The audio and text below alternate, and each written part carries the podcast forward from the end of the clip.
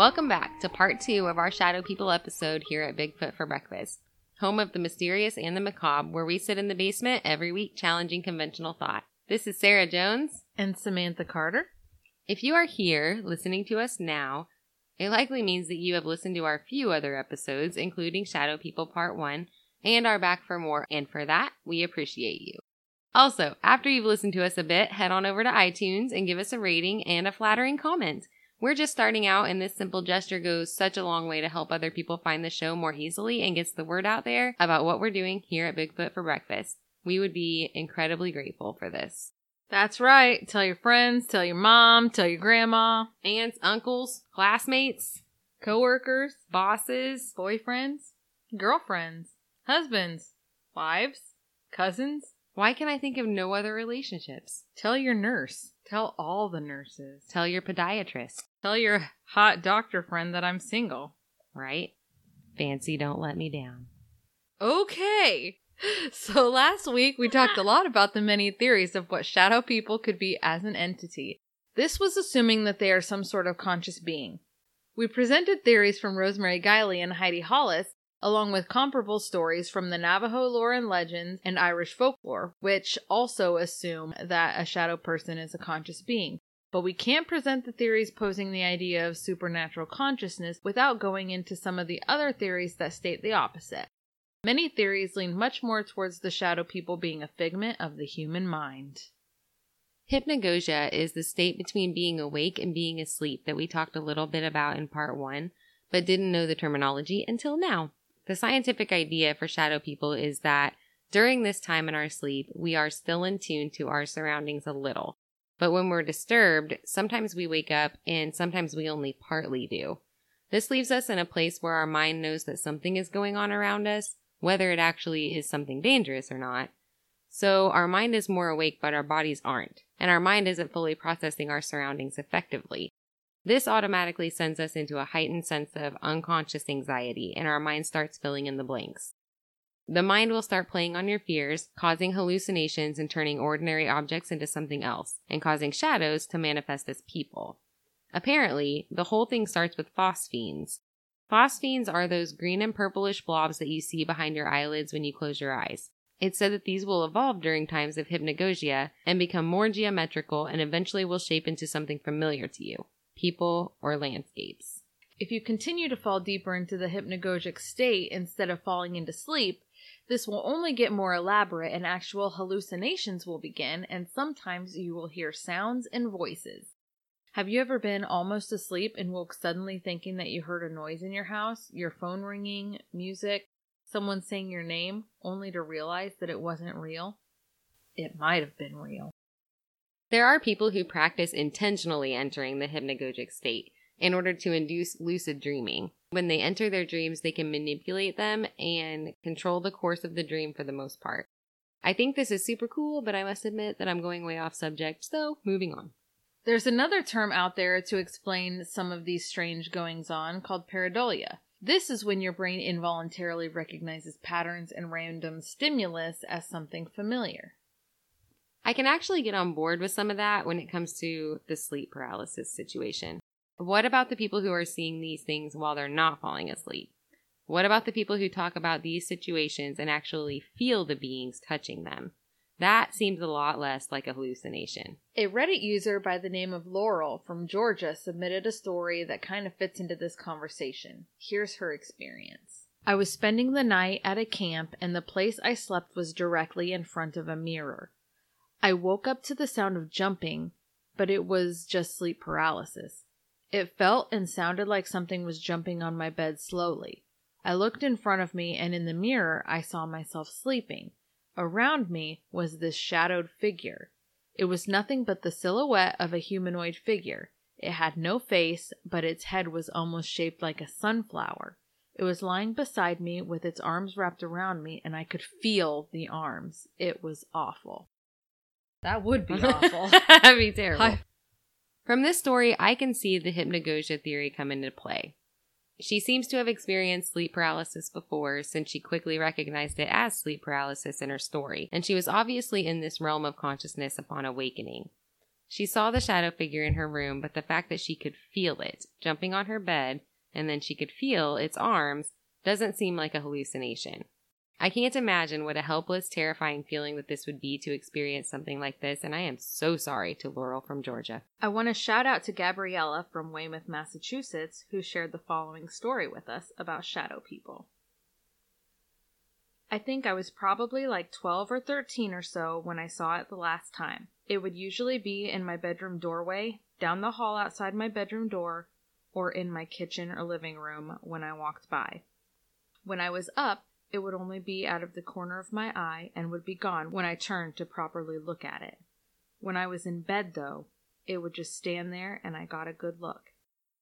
It was very much a shadow like thing, pitch black and fuzzy around the edges, very tall, and its silhouette looked like it was wearing a hat and a trench coat. I was a kid, so I would yell for my mom at first, and it would just disappear. My parents quickly got sick of that, so they let me sleep with a flashlight, but that didn't do anything. I didn't want to get scolded or told it was just my imagination anymore, so as I got older, I would just close my eyes and hide under my covers until it went away or I fell asleep, which all sounds super traumatizing, but at the time I just figured it was part of normal life. In a kid world with tooth fairies and Easter bunnies, it doesn't seem so crazy. Then, when it stopped, the fear and memory of it sort of faded away until adult friends of mine mentioned seeing it too. There are a lot of people who deal with this type of thing commonly, and I honestly believe that I would have an actual heart attack if anything remotely like this ever happened to me. That would be the end. This is how I go out. this is this is it. Goodbye, cruel world. It doesn't take much internet investigation to find story after story regarding shadow people being encountered by people who weren't asleep. Many times going about their daily routine at home, many times in broad daylight. There are so many different types of encounters, I think that it's really hard to say what could be going on here.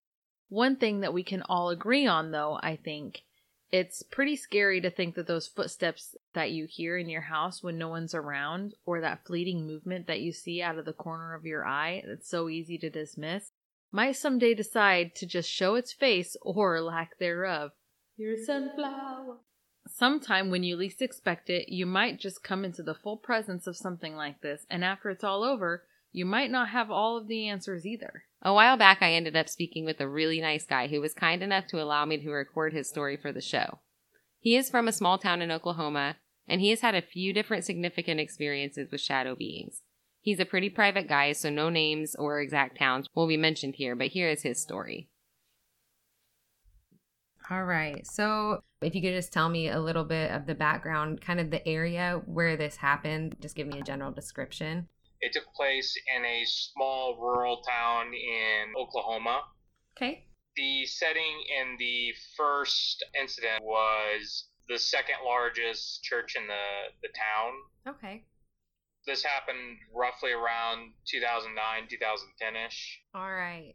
Perfect. So just go ahead and tell us kind of what happened. You had two encounters, correct? That is correct. There were a few minor things, but these are the two that I actually remember really well and that were also really just the ones that I couldn't explain. Kind of things you couldn't, they were too obvious to really write off. Yes. Okay first one was the church experience, right? Yes. Okay, just go ahead and go into the story as much as you want to. Absolutely. I was a freshman in college and uh, it was the summertime. I needed to make a little extra money. Being a small town, you know, not a whole lot to do. So I signed up with the uh, local Native American tribe and they connected me with a job as the custodian of the second largest church in town pretty easy stuff. I had been to the church before. I really liked it. I, I met the pastor a few times. wasn't really the biggest fan, but I, I liked a lot of the people there. So I ended up helping out their custodian with daily duties. He had two or three different jobs, so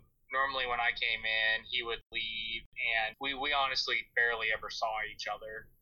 I show up, you know, real early in the morning, about 7 a.m., clean up the lawn, go inside, clean up the room, tidy up the bathrooms.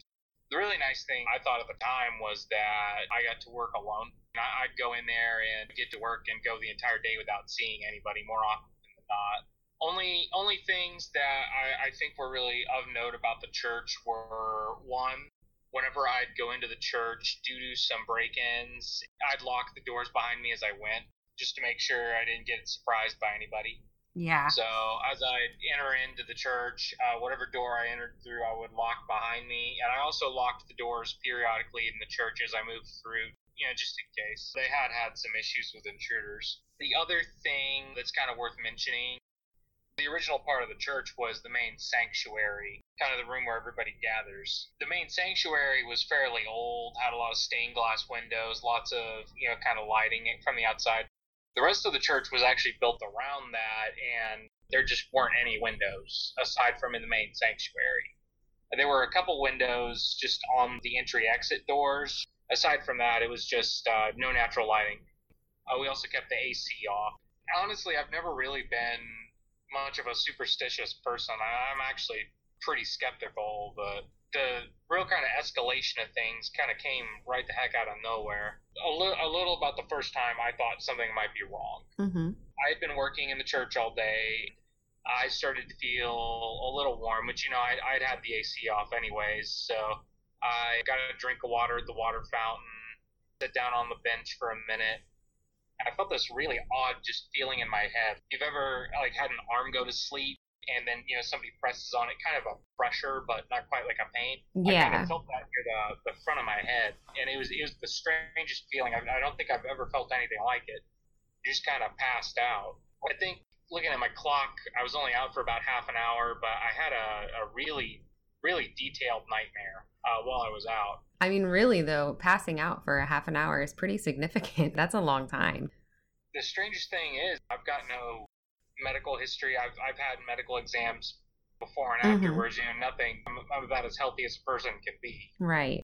The nightmare, though, I it was so vivid that I still remember it. I was alone in a really poorly lit dining hall. Just everything was just pitch black except for a great table in the in the hall, a few candles on the table, but aside from that, no light. Uh, Just luxury chairs around it. It looked like something you'd see in a mansion.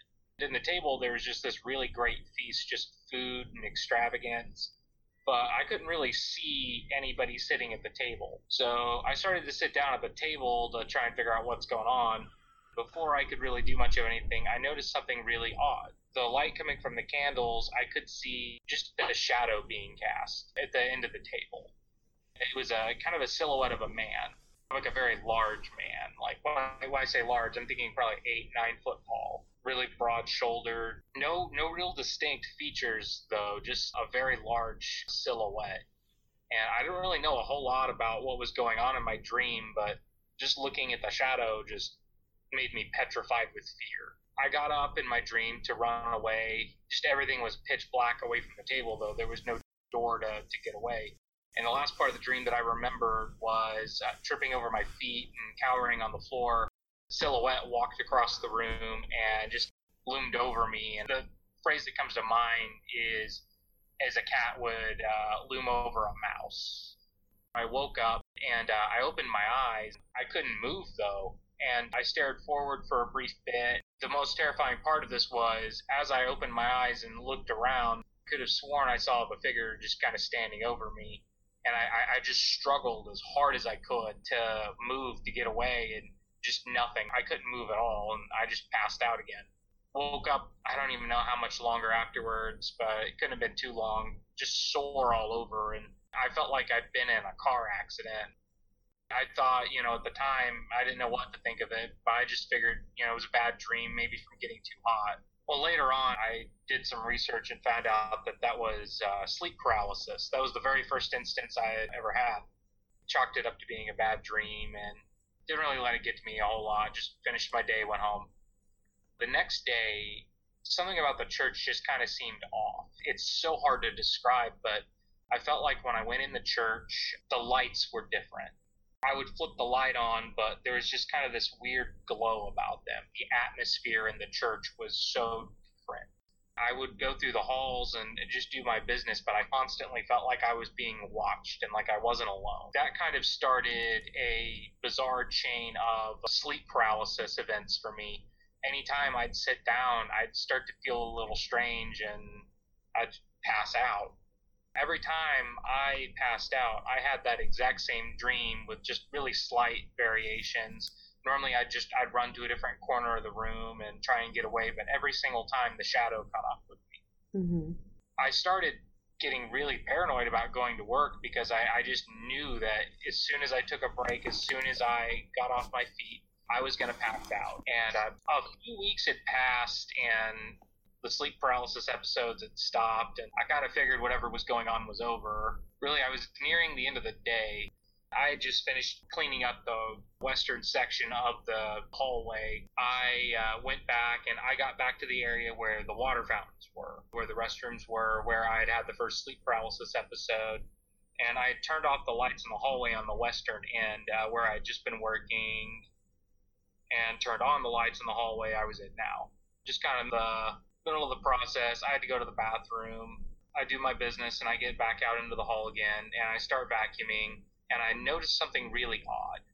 The lights in the hall that I had previously turned off were on again. Initially, I just figured I forgot and tried to get back to work.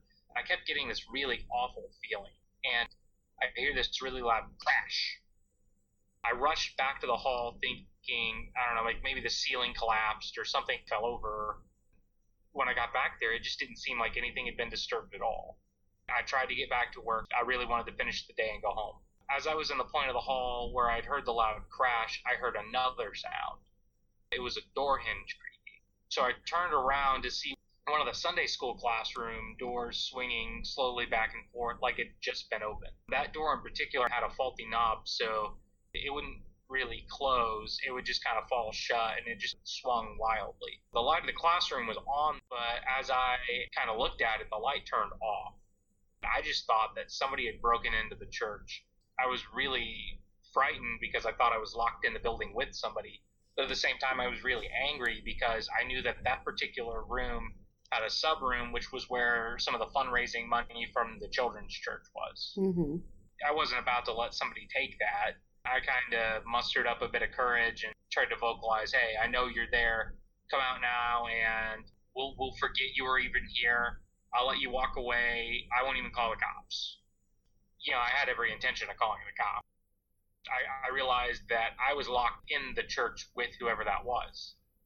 They weren't coming out. I didn't. I didn't see or hear any movement. So I went ahead and started approaching the classroom. And when I got to the door, I just pushed it in as quick as I could and entered the room, kind of ready for a fight. Scanned the room, nothing. Nobody in the room. So I moved to the sub room where the lockbox was. Checked it again, nothing. So I went back to the light switch, flipped it on. I checked every corner. I checked under the tables. No one was there. I was just going to finish the rest of the cleaning later and go home. Turn the lights off in the room, and uh, this time, when I flipped that switch off, I just felt like the world was ending. It was an awful feeling. I started walking out. I heard the door creak again, and I turned around and flashed my flashlight down the hall and I saw the door moving back and forth again. The light flickered on, but this time it, it just looked really different. The light was on, but there was just this presence in the room. It was it was like a darkness. The darkness was so just pitch black in the room that the light just seemed to seemed to disappear into it. I panicked. I turned to run out of there as fast as I could. About the time I turned, I heard the door slam open and it, it, just sounded like something immensely heavy was just chasing me through the hall. I ran as fast as I could to the, the eastern exit at the far end of the hall. I unlocked the door just as quick as I could and just fell out onto the concrete outside. I got back up to push the door uh, closed and was hunting for the key to lock it. I was holding the door closed, but I could feel someone on the other side of the door pressing really hard I leaned my head up and looked through the glass window on the door, and but I couldn't see anything. But whoever was pressing on the other side was pressing really hard. They were just pressing me back, and I, I felt my boots sliding on the pavement, and the door starting to jar open. And I just I held it as long as I could and just pressed as hard as I could, but I was starting to cramp up, and just my lungs were burning, and I was losing. I was being pushed back. And eventually I pushed and pushed and pushed. and I started feeling some give, and the pressure just stopped. I was able to shut the door. I reached for my keys. I locked it. I bolted to my car, drove away, just doing my best not to run off the road. I, I was having a panic attack. And uh, I call in sick the next day. After a while, I actually found out the pastor of the church had actually been having an affair with a woman he met online. They started their affair around the first time I had an instance of sleep paralysis. He actually left one Thursday to go and meet her in person. That was actually the Thursday where everything had happened to me, the, the last event. He told me he was leaving for a convention and he was actually leaving to meet his uh, mistress. He told the church he was stepping down to take care of his wife who was terminally ill. Shortly after the Thursday where this happened, he actually left his wife and uh, their children, cleaned out the bank account, and left his family just broke. Hmm really awful stuff. Thankfully, his wife was actually uh, okay. The initial diagnosis was wrong. She made a recovery. It's just conjecture on my part, but I've always felt like what he did caused that whatever was going on in the church to happen. I, there's no way for me to be sure, but I think with him doing such a profane thing and lying to all of us, I think he let something into the church. I think honestly, that you may be pretty onto something when it comes to that because you hear a lot of stories about shadow beings, shadow people, whatever they might be. There's a lot of common elements in your story with other people's stories and that's kind of one of them is a lot of people will report negative things going on in their own lives or it being a highly negative time or just negative circumstances surrounding the area or the situation and so it does seem pretty coincidental that those things were happening at the exact same time that those that your experiences were happening too. Exactly. That was that was kind of my first big encounter with. Uh, honestly, I, I mean, I've never really been sure if it was the same one or multiples. That was the first time. Did you want me to get into the next one? Yeah, the next one it's a crazy story as well. And it was it a few years later or what kind of time period compared to the first experience was that? maybe six, eight months. Okay. So pretty decent span of time. So what happened in this situation? Things kind of got back to normal after what happened at the church. Yeah, I went back to college that fall, had a really good semester. Uh, you know, good grades, good time with friends, you know, usual college experience. That spring, things kind of got pretty bad for my family and I for a bit. My dad was diagnosed with cancer. There just wasn't a whole lot I could do. I was commuting back and forth between school where I had a dorm, home, the hospital where I took my dad to get his treatments. Just wasn't a good good place in my life really. My dad's kind of the illness. It weighed really heavily on me, honestly. My dad was my closest friend in the world. And I realize now I was suffering from pretty severe depression at the time. I was sleeping a lot. At the time, I gained about 40 pounds just from stress eating and no physical activity. I, I, you know, I'd go days without talking to another person when I was on campus if I could get away with it. The first case of anything out of the ordinary happening that I can remember this time was uh, I was home for the weekend, went to my room to, to kind of unwind for a bit, and I was watching a movie. The lights were on in the room, and I kind of felt that strange feeling in my head again. Next thing I know, I'm slumped over and passed out. As I'm drifting off to sleep, I kind of hear a tap at the window in my room. I had the dream about the banquet hall again, only this time when I turned to run, the chairs and everything on the table were blown over by just kind of like a mighty gust of wind as the, the shadowy figure was this time more visible. It wasn't just kind of an opaque shadow, it was more of just this dark mass, vaguely shaped like a person. Its movements were quick and violent. He had me cornered in the dream, but kind of per the usual, I woke up. But when I woke up, my room was dark. The TV was just blaring static. And when I shifted my eyes up, I saw the shadow standing over my bed. And that's when I realized that the lights were still on. But just like before, the shadow was sucking the light out of the room. I passed out again, and I woke up to my dad kind of peeking in my room to tell me goodnight. For the next few weeks, I'd periodically kind of wake up hearing knocking at my windows. I had some dogs in the backyard, and every single time they just went ballistic. I did some research and found out I was going through sleep paralysis. Talked to my doctor about it. He told me it was fairly common, though. Basically, just me waking up while I was still in the REM part of sleep, not to fight it, just go back to sleep. Kind of used that to rationalize what was going on, and then I just figured, hey, you know, it's, it's just part of the sleep paralysis. So I ended up going back to school shortly after that. It was around time, around the time of spring break, and we got the news that my dad was going to be okay. His cancer had gone into remission, and for the first time in a while, I felt like everything was going to be okay. Passed away in early 2015, but you know, I'm I'm still really glad we got the time with them in between. Right. So it got close to spring break, and my plans got canceled. Not a big deal. I was a sound technician for the college's band, and they had scheduled a five day event over the course of what was supposed to be my spring break. I was bummed to give that up. Went out of town and did that. So we got back late on a Friday evening, and my entire wing of the dorm was empty except for me. And I don't really know for sure, but I felt strange, and I'm pretty sure I suffered a sleep paralysis episode. I woke up from a bad dream to the sound of hinges creaking. I opened my eyes to see my door opening. I assumed it was my roommate coming back, and I getting ready to go back to sleep. Then I remembered that my roommate was actually supposed to be in Florida until the next Tuesday kind of with that realization, I, I woke back up again. I saw my door just kind of slowly sway, the silhouette of a hand, just a pitch black hand, slide through and push the door open. I, I, I sat there just paralyzed with fear as a really dark figure entered my room. I had left the hall light outside on, but the light coming from outside was uh, vaguely illuminating the the silhouette had to have been eight, nine foot tall. Looking at it, it was like looking into a dark cavern when you're standing in the light. It's just sort of impenetrable, just swallowing the light around it. I couldn't make out any facial features at all. It, it stayed in the hallway just at first, you know, foot through the door, but started to approach me really slowly. And it was shaped like a man, but its movements were kind of unnatural it was really graceful in the way it took its steps. It, it really reminded me of a spider.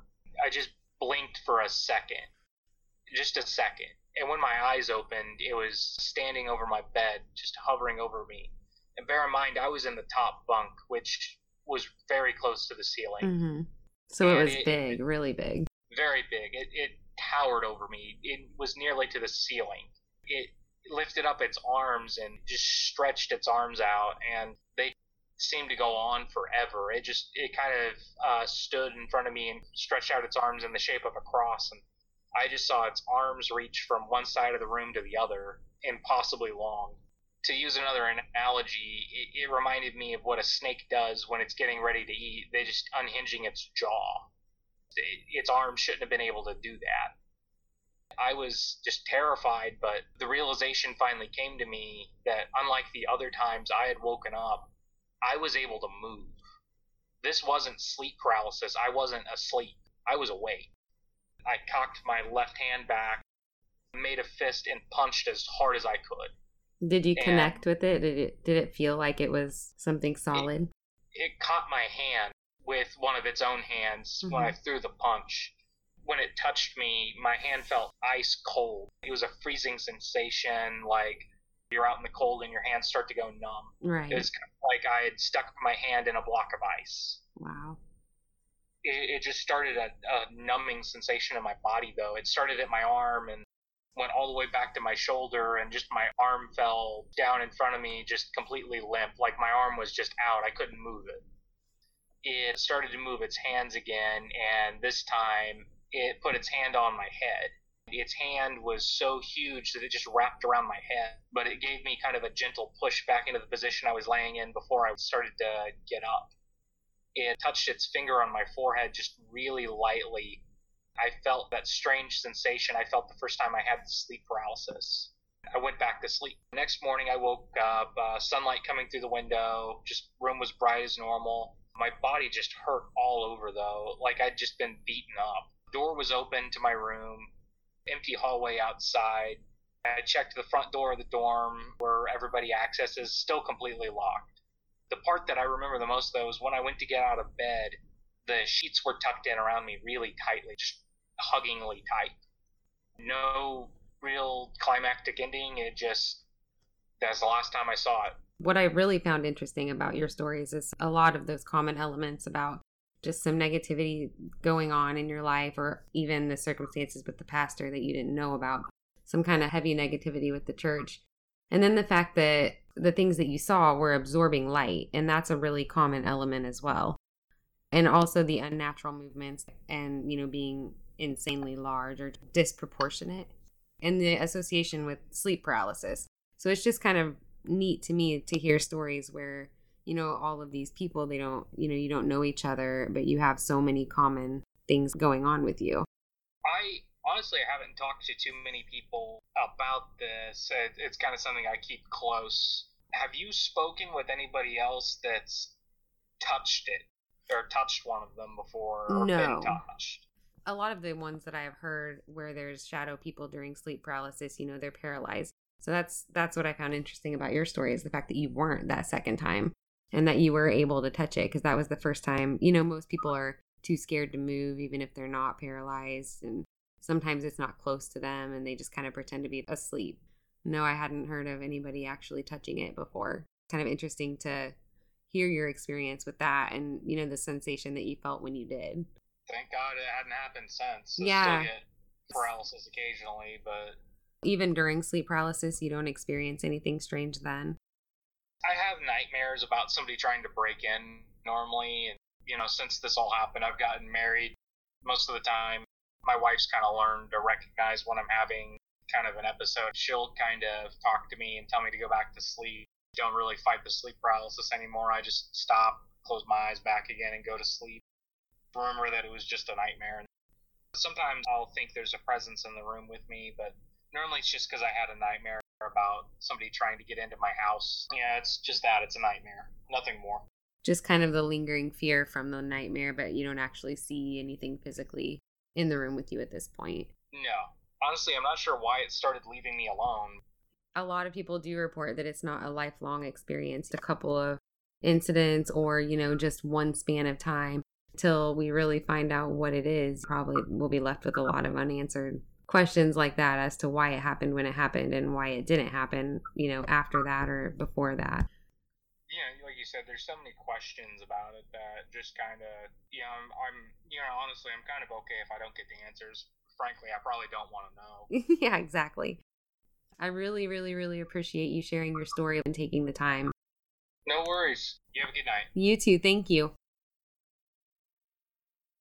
So that's a pretty crazy set of incidents there. I want to say thank you to him for speaking with us here at the show and letting us share his story with everyone. People deal with these kinds of things all the time. It's crazy how much this can mess with our minds and often how we feel physically.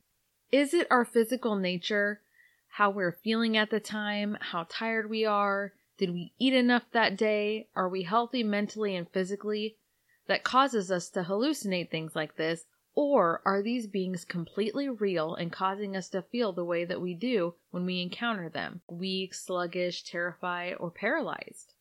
It's hard to say what's going on with this phenomenon and with the hundreds of thousands of claims from all over the world and throughout history that seem to carry on the same common elements.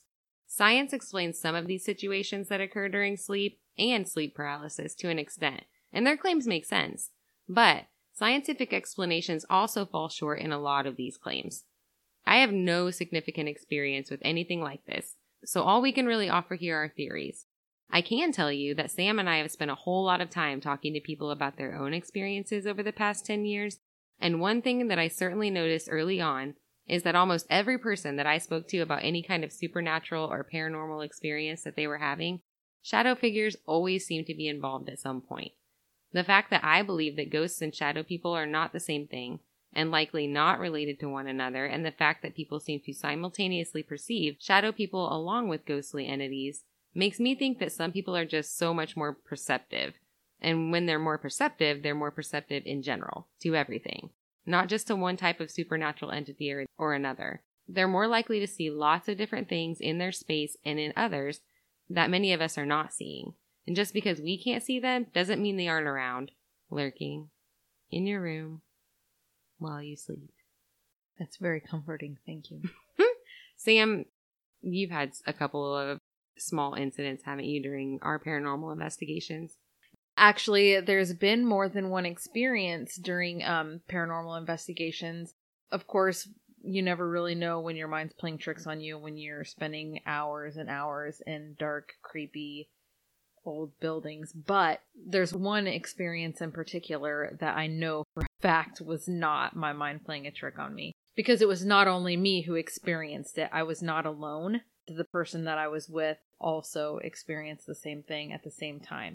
Immediately after the experience, we separated and did separate interviews to discuss what we saw, and our stories were very similar. This actual experience you can find on YouTube channel for Iowa Paranormal. This has been Shadow People Part 2, our fifth episode here at Bigfoot for Breakfast, and we won't stop here. Our list of things that we want to talk about just keeps growing and growing, so expect us to be around for a while. If anyone's listening. For those of you that are, thank you so much. And please, please, please don't forget to subscribe to our feed so you don't miss out on future episodes. And if you feel so inclined, go to iTunes or your favorite podcast app and leave us a rating with a review. We would really love to hear from you. We're also on Facebook, Instagram, and Twitter. Always enjoying new friends on there as well. Again, thank you for listening, and we'll see you next week with a brand new episode. Hypnagogia!